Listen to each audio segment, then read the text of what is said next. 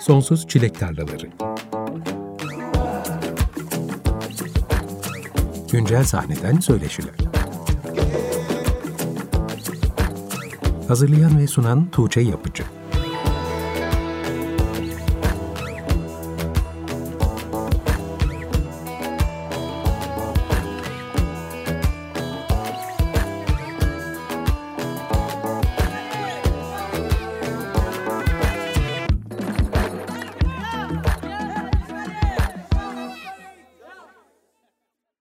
95.0 Açık Radyo'da Sonsuz Çilek Tarlalarından herkese merhaba. Ben Tuğçe Yapıcı. Bu akşam bir hafta gecikmeyle de olsa 58. yayın dönemine bir başlangıç yapıyoruz. Geçen hafta yayın gününde konuğum rahatsızlandığı için bir tekrar program yayınlamıştık. O yüzden bu hafta yeni yayın döneminin ilk konuyla beraberiz. Programa Lara Dilara'nın 27 Ekim'de yayınlanan Eskisi Gibi Değil adlı yeni albümünden Tumblr adlı parçayla başladık. Önümüzdeki bir saat boyunca da bu albümden bir seçki dinlemeye devam edeceğiz. Lara Dilara bu akşam bizimle birlikte. Hoş geldin. Hoş buldum. Nasılsın? İyiyim, heyecanlıyım.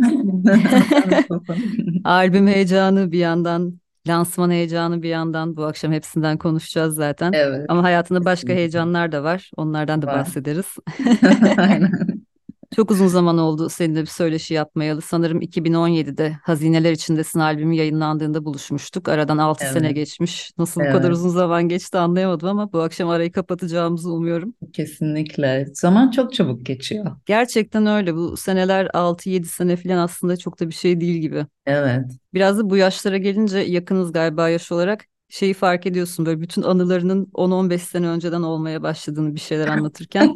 evet. Çok tuhaf geliyor yani ne Gerçekten. kadar eski anılarım var diye düşünüyorum bazen. Evet, evet. Böyle biraz şey yani yaşlı olmamamıza rağmen işte bu tam dediğin şeyden dolayı ya acaba yaşlandım mı gibi bir his geliyor ve bunu söyleyesim geliyor o da çok komiğime gidiyor. Eskisi gibi değilden önce üzerine hiç konuşma şansı bulamadığımız Sudaki Çığlık albümün 2020'de yayınlanmıştı. Tam olarak evet. pandeminin en sert zamanlarına denk gelmişti. O ara radyoda da söyleşi yapmayı bırakmıştık çünkü uzaktan nasıl yapacağımızı o zaman henüz çözememiştik tam olarak. Evet. O zamandan bugüne de yaklaşık üç buçuk sene geçmiş. Şimdi son albümün eskisi gibi değili daha doğru bir şekilde anlama şansı bulabilmek için biraz bu aradaki üç buçuk seneyi konuşarak başlayalım istiyorum. Tabii. Pandeminin başında bir albüm yayınlamak, sonrasında bu albüm yayınlandıktan sonraki süreci tüm sanatçılar gibi sahnelerden uzakta geçirmek, senin sonrasındaki üretim süreçleri nasıl etkiledi? Yani çok tuhaf bir deneyimdi tabii ki de. Herkes için de öyledir eminim ama ben tam yani albümü aslında tabii pandemiden önce başlamıştım yapmaya ve planımda pandemi zamanına denk gelen zamanda yayınlamak vardı. Ama tabii bilmiyordum pandemi olacağını. Sonra e, pandemi olunca da dedim ki ben bunu zaten bu zamanlarda yaptım ve bu zamanlarda yayınlamayı düşünüyordum. Neden yayınlamayayım ki? O yüzden onu hani tutmayıp saldım. Hani bazı arkadaşlarım ve müzisyenler onu yapmadığı için söylüyorum bunu. Ben tam tersi hani onu paylaşmak istedim. İyi ki de yaptım ama tabii ki bunun şöyle bir tuhaf yanı oldu. Genelde işte albüm yayınlanır sonrasında işte ilk konseriyle başlarsın çalmaya ve hani bu, bu şekilde devam eder. Bunu tabii yapamadım. O çok e, değişik bir ne, deneyim oldu. Birkaç tane böyle işte online işte Zoom üstünden falan bir takım konserler oldu ama onlar tabii çok değişik oluyordu. Yani böyle seyirci, dinleyici e, karşında yok. Kime çalıyorsun, kimseyle konuşamıyorsun, göz göze gelemiyorsun falan. Dolayısıyla ne kadar sanırım bir sene sonra ben lansman konserini yapabildim. Sudaki Çığlık albümümün. Ama geç olsun güç olmasın şeklinde e, çok güzel geçti neyse ki. Güzel hazırlanabilme fırsatım oldu tabii ki bu uzun sürede. O yüzden böyle değişik hayatımda e, değişik hatırlayacağım bir albüm olmuş oldu. Yani anılar biriktirmek gibi oldu benim için aslında o albüm.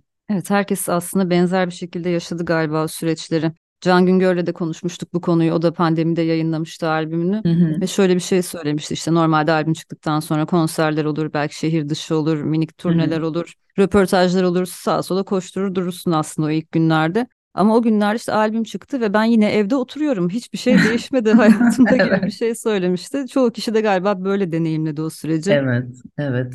Tabii elinden bir şey gelmiyor.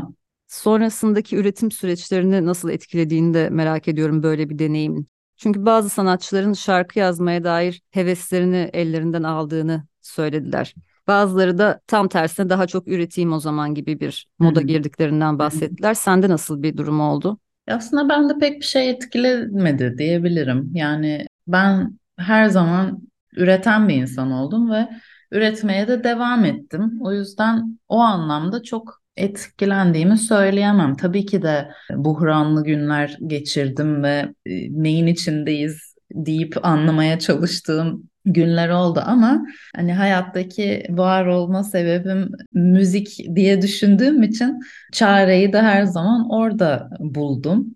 O yüzden de pandemide veya pandemiden sonra fark etmiyor. Her zaman üretmeye çok şükür ki devam edebildim. O yüzden çok negatif anlamda etkilenmedim aslında. Sonrasında peki hangi noktada eskisi gibi değilin şarkıları ortaya çıkmaya başladı? Şimdi böyle soruyorum ama belki de bir önceki albümden daha önceden beri yazdığın şarkılar da olabilir albümde. Var evet. Çok daha eski fikirler vardı diyebilirim. Yeni olanlar da var. Biraz karışık oldu aslında bu seferki bu eskisi gibi değil. Kaç böyle bir 7 yıl önceden parçalar da var. Hani parça derken tabii o zaman belki biraz daha farklıydı. İşte daha fikir gibiydi veya bir bölümü vardı, ikinci bölümü yoktu falan gibi şeyler. Ee, onları da ne zaman işte bir sene, bir buçuk sene önce aslında başladım toparlamaya ve işte yenilerini de yazmaya vesaire. Sonra işte hamile kaldım. E, Araya öyle bir şey girdi. Gerçi devam ettim çalışmaya ama birazcık yavaşladım. Yani düşündüğümden daha geç yayınlamış oldum albümü. Aslında çok daha önce bitmişti parçalar. Ama bir kızım hayata gelsin, ondan sonra yayınlayayım istediğim için biraz beklettim. Özetle 7 seneden bu yana bir takım parçalar diyebiliriz. Albümün yapım süreci de bu arada İstanbul ve Viyana arasında galiba gerçekleşmiş. Levni Evet. ile birlikte çalışmışsınız. Hı hı. 2017'deki söyleşimizde de hatırlıyorum. O zaman da Levni ile birlikte bir şeyler yaptığınızdan bahsetmiştin. Evet. Bu albüm öncesinde biraz hatırlatır mısın? Başka bir şeylerde duyduk mu sizi beraber? Biz aslında Levni ile Alike Places diye bir projemiz var. Çok uzun yıllardır, çok yavaş da olsa ilerleyen. Şimdi hatta e, uzun seneler sonra tekrar e, yeni parçalar yapmaya başladık. O zamanlar muhtemelen oydu. Ben de artık hatırlamıyorum tarihleri. Galiba oydu evet. Evet, odur yani. O bir EP çıkarmıştık. Sonra da aslında Levni Sudaki Çığlık'ta da benle beraber prodüktörlük yaptı. Şimdi eskisi gibi değilde de aynı şekilde birlikte çalıştık. Beraber çalışmayı seviyorum kendisiyle. Bu işbirliğiniz devam edecek galiba öyle anlıyorum. Edecek kesinlikle. Peki kayıtlar çoğunlukla Viyana'da mı gerçekleşti? Evet. Çünkü albümün künyesinde bir takım isimler Evet, evet. görüyoruz. Oradan da var galiba Evet. müzisyenler. Evet, çoğunluk orada. Yani şöyle ben parçaları aslında iskeletlerini her zaman kendim çıkartıyorum. O nerede olursam olayım ki bu sefer genelde İstanbul'da oldu ama bilgisayarımı yanımda götürdüğüm için orada burada da yapıyorum. Sonra daha işte stüdyo tarafına gerçekten girişimiz Viyana'da oldu. Orada bütün işte davulları, e, basları, gitarları vesaire kaydettik. Ama vokallerin mesela çoğunu ben kendim İs- İstanbul'da kendi odamda kaydettim. Ev kaydı. Aynen. Peki hangi isimleri görüyoruz albümün künyesinde? Kimler eşlik etti sana? Albümde Herbert davulları çal- çaldı, Herbert Pirker. Markus Schneider e, gitarları çaldı. Willy Rosner bas ve kontrbas çaldı. Selengül'ün e, bir parçada piyano çaldı. O tabii Viyana'da değil, İstanbul'da çaldı piyanolarını. Burak Irmak var iki parçada. Benim olmazsa olmazım, ebedi dostum, müzisyen dostum. Onun dokunuşları var. Ben çaldım. Aras e, Levni çaldı. Sen neler çaldın? Ben genellikle e, synth çaldım. Hı hı. Synth melodilerini. Bu arada tabii ki parçayı, parçaların hepsini kendim yapıyorum ama daha sonra da davul çalamadığım için davulcuya çaldırıyoruz tabii.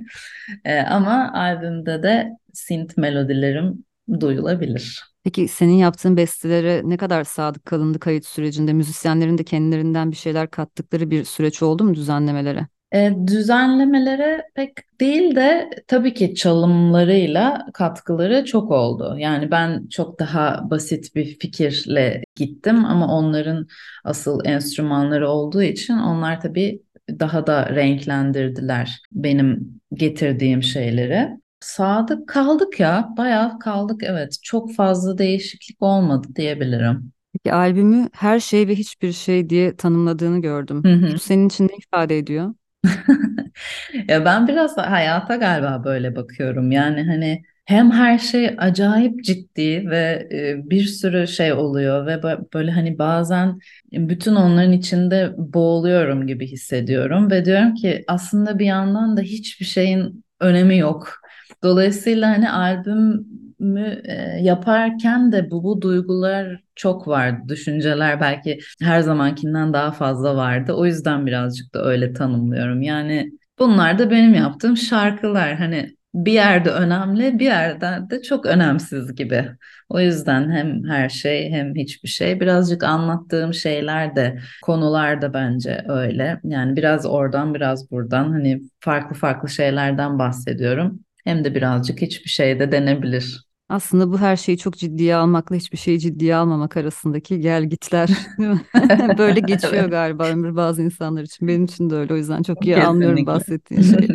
Kesinlikle. Tabii albümün temasında çok da fazla kavram var. Yine bahsettiğin Hı annelik, hı, doğurganlık, doğum, ölüm, doğa, birey olmak, güç, protesto, insan hakları, kadın hakları vesaire böyle giden hı hı, çok fazla kavram var birbiri ardına ama belki annelikten biraz bahsetmek istersin bu noktada. hı hı, Bu albümün aslında üretim aşaması ya da şarkı yazım aşamasının ne kadarı senin bebeğini beklediğin döneme denk geldi bilmiyorum ama nasıl etkiledi bu durum seni?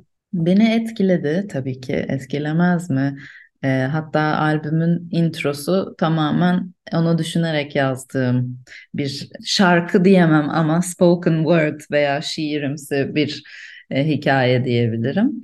E, onun dışında da tabii ki birçok parçada dokunuşu var kızımın ama on, o olmadan önce de yazdığım parçalar var. Dediğim gibi 7 sene öncesinden de parçalar var. Belki işte diyorum albümün yüzde 60'a 40'ı gibi. Yani 40'ında var, 60'ında yok diyebilirim ama tabii ki son finalize ettiğim halinde yani son stüdyoya girişimde hep vardı. Yani karnımdaydı ve her zaman eşlik etti. O yüzden bir anlamda hepsinde var, bir anlamda da yok gibi. Yani yine her şey ve hiçbir şey gibi. Şimdi albümden Büyü parçasını dinleyeceğiz. Bu albümden önce de yayınlanan bir single'dı. Sonrasında klibi de yayınlandı. Klipten de aslında parçayı dinledikten sonra biraz bahsederiz ama Hı hı. bu şarkıda sanki böyle bir bebeğe söylenmiş gibi bir şey hissediyorum sözlerinde. Var evet o da var içinde kesinlikle. Yani biraz böyle yazarken aslında bazen ben de çok farkına varmıyorum açıkçası. Ee, biraz böyle aklımdaki kelime ve hikaye dünyasını şöyle bir kaleme döktüğümde ben de şaşırıyorum bazen. Ha bu aslında bunun altında benim çocuğumun olması da var. Belki o an onu düşünmüyordum ama bir bakıyorum ki onu yazmamın e, sebeplerinden biri o da oluyor. O yüzden büyüde kesinlikle kızımın rolü var. Ama bir yandan da yok. Çünkü onu o yokken başlamıştım yazmaya aslında. İlle de aslında bilinçli bir düşünme süreci olması gerekmiyor galiba ortaya çıkan eserlerde Bence de. nelerin tezahür ettiğini gördüğümüzde. Evet. Katılıyorum. Senin hayatın boyunca sürekli üzerinde düşündüğün, yoğunlaştığın Hı kavramlar hı. muhtemelen şarkılarında ortaya çıkıyor. Aynen öyle. Çok güzel e, özetledin.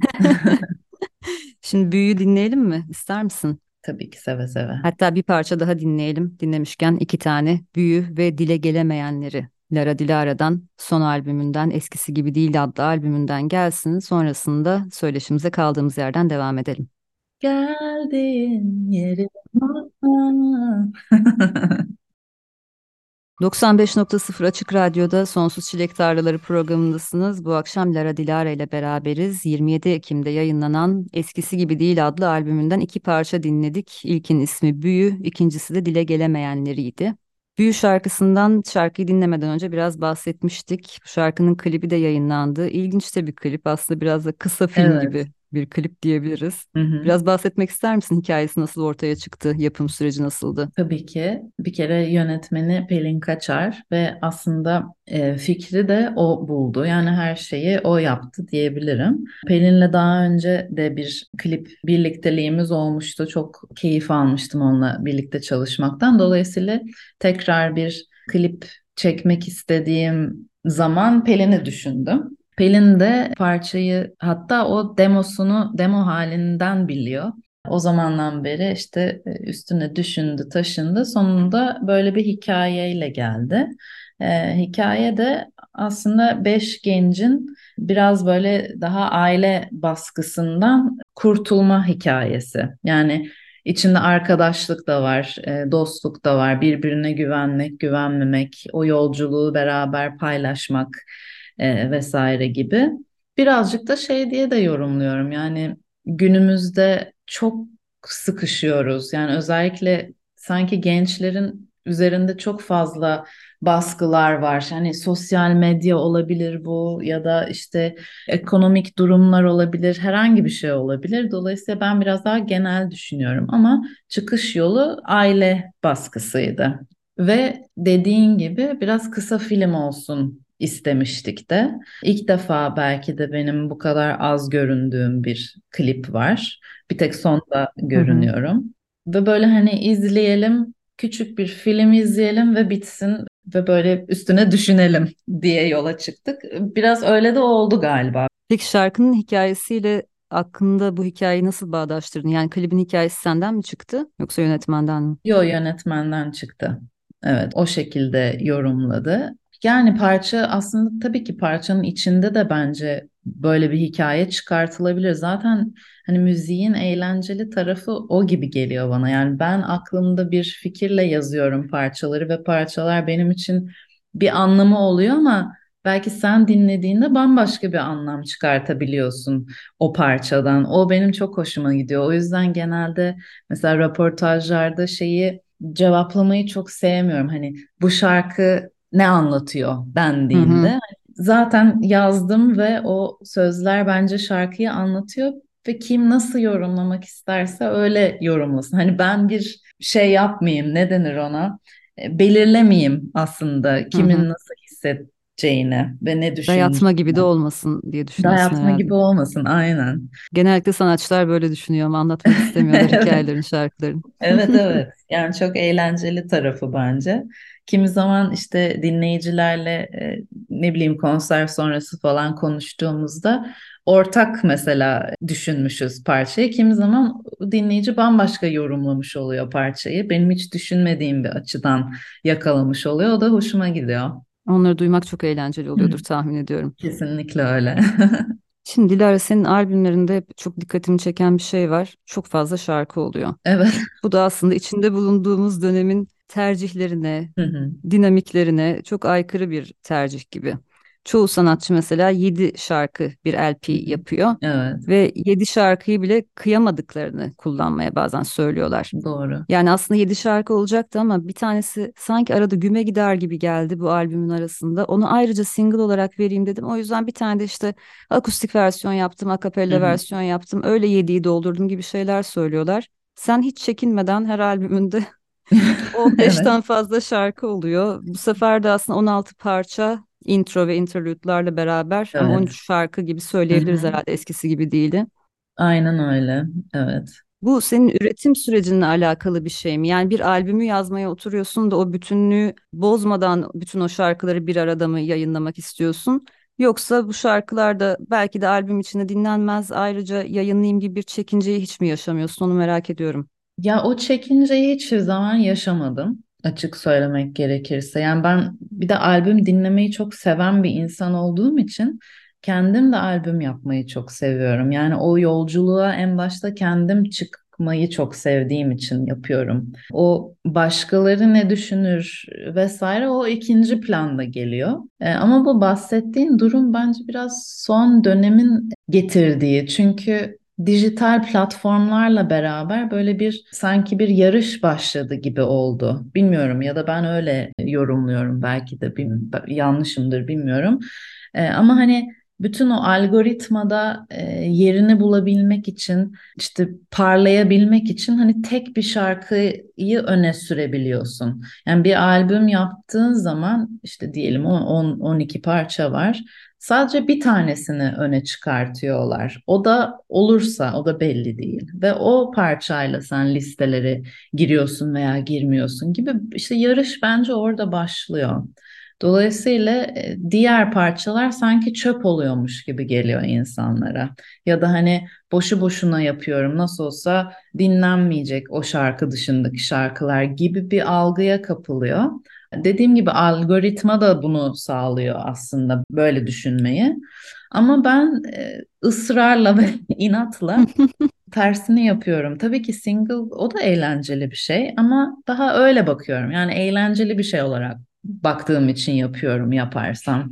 Albüm bence daha değerli gibi geliyor bana şu anlamda. Yani baştan sona bir dünyaya giriyorsun ve arka arka yani kitap okumak gibi belki de aslında. Hani kitabın bir paragrafını okumak değil de e, baştan sona o hikayeye girmek ve e, oradan çıktığında içinde ve kafanda bir sürü soru olması veya bir sürü soruya cevap bulman gibi yorumluyorum. O yüzden albüm yapmayı seviyorum ve umarım devam ederim.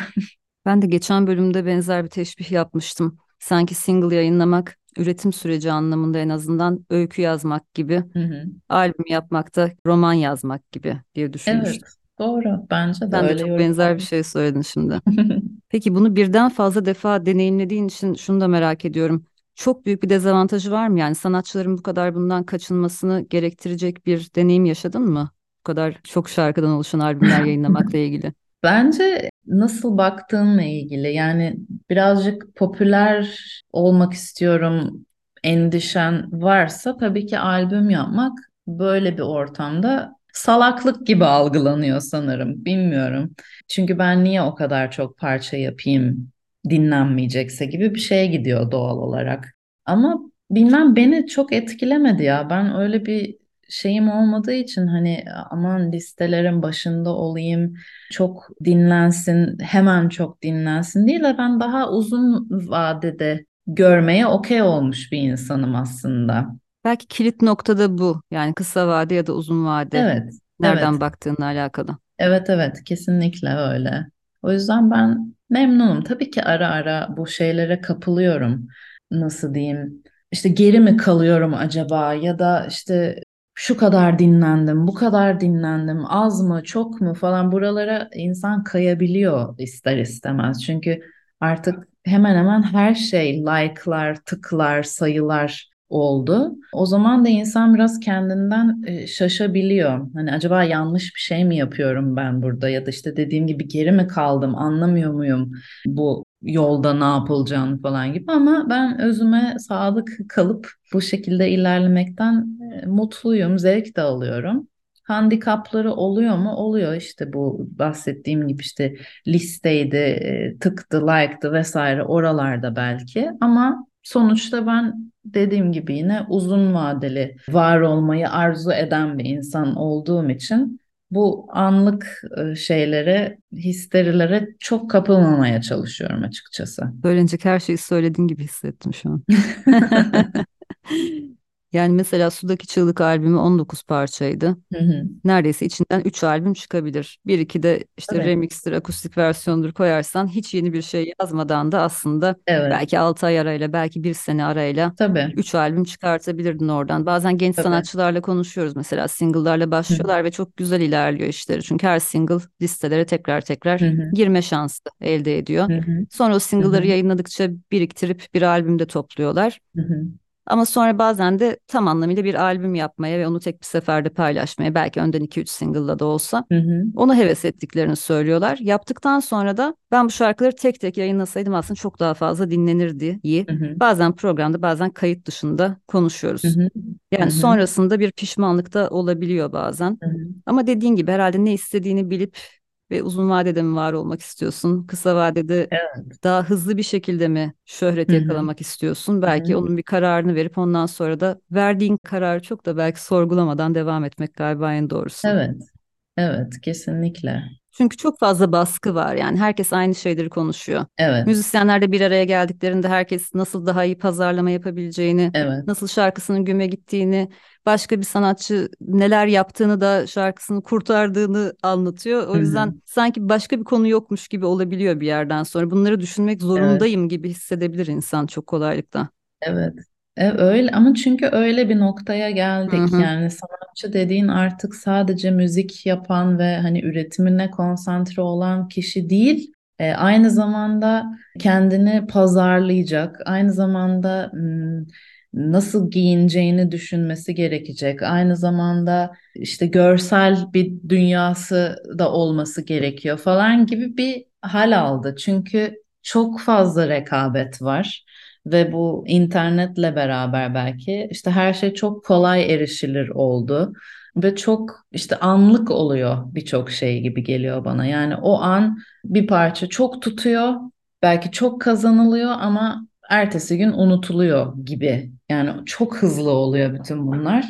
Dolayısıyla bunun içinde de insanlar düşünüyor doğal olarak hani ben niye uzun uzun albüm merasimine gireyim ve niye bu kadar uğraşayım, vaktimi vereyim? Çünkü hiç kolay bir şey değil bir yandan bir albüm yapmak baştan sona.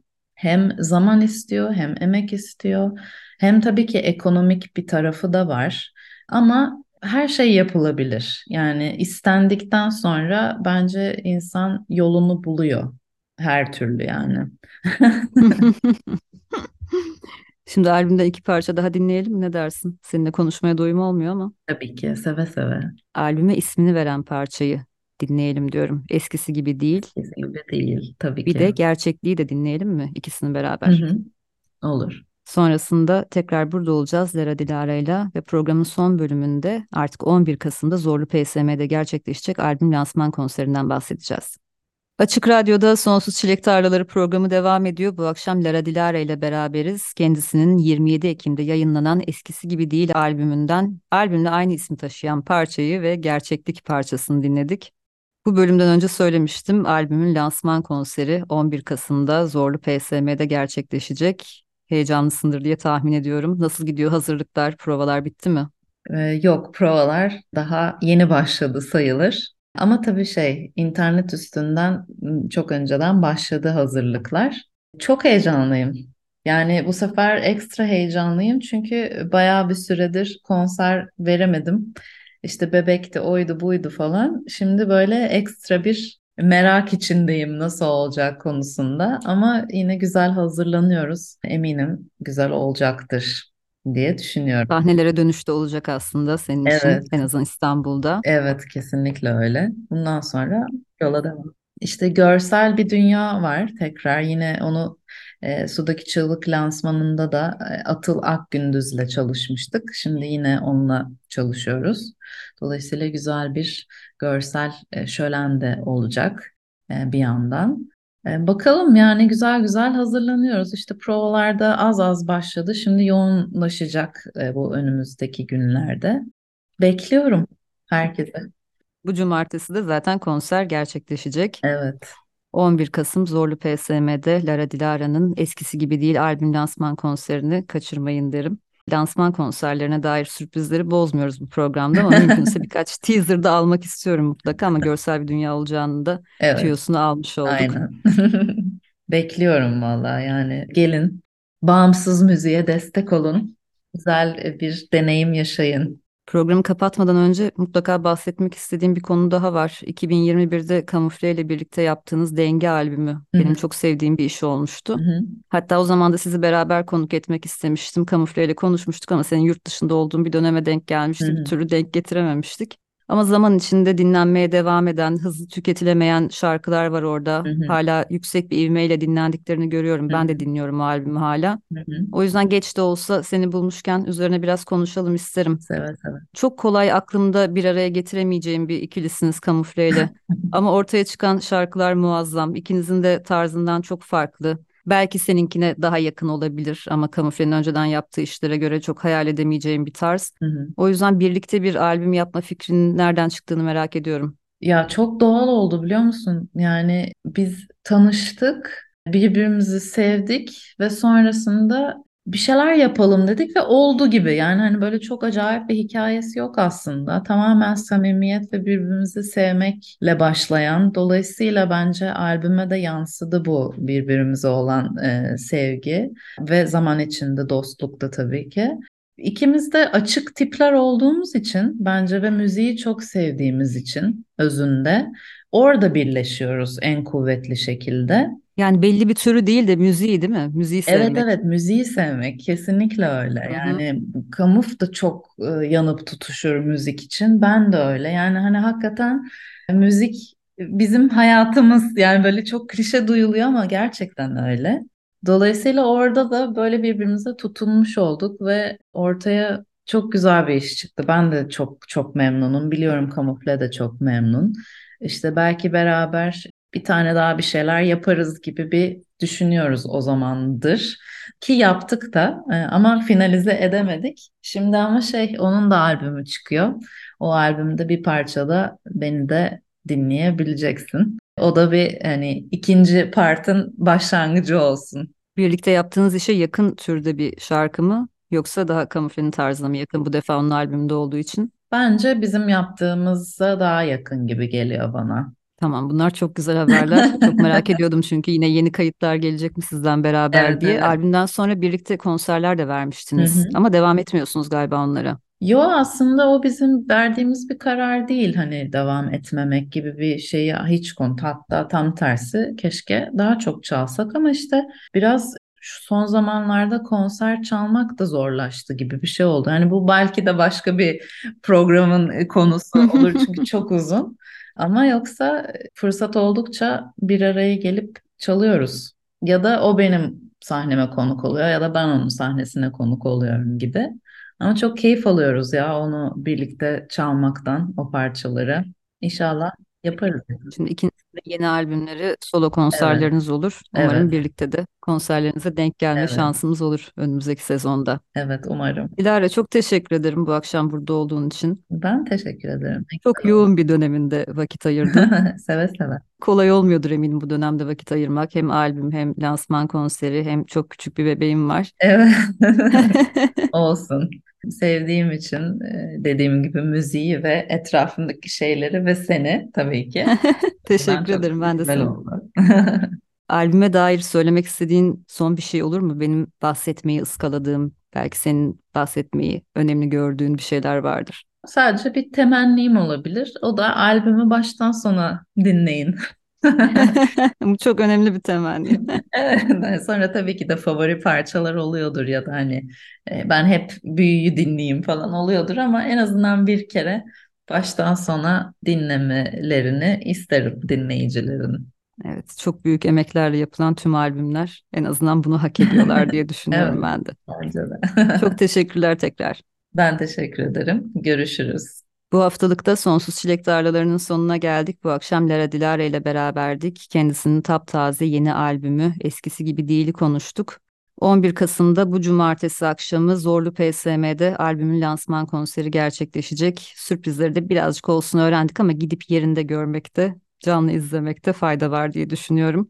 Dilara için bir yandan da sahnelere bir geri dönüşte olacak bu albümle beraber. O yüzden mutlaka bu konseri izlemenizi tavsiye ederim diyorum ve Son olarak sizlere albümden To Ease the Pain adlı parçayla veda ediyoruz. 58. yayın döneminin ilk programında Lara Dilara ile birlikte tamamlamış bulunuyoruz. Gelecek hafta görüşünceye kadar hoşçakalın.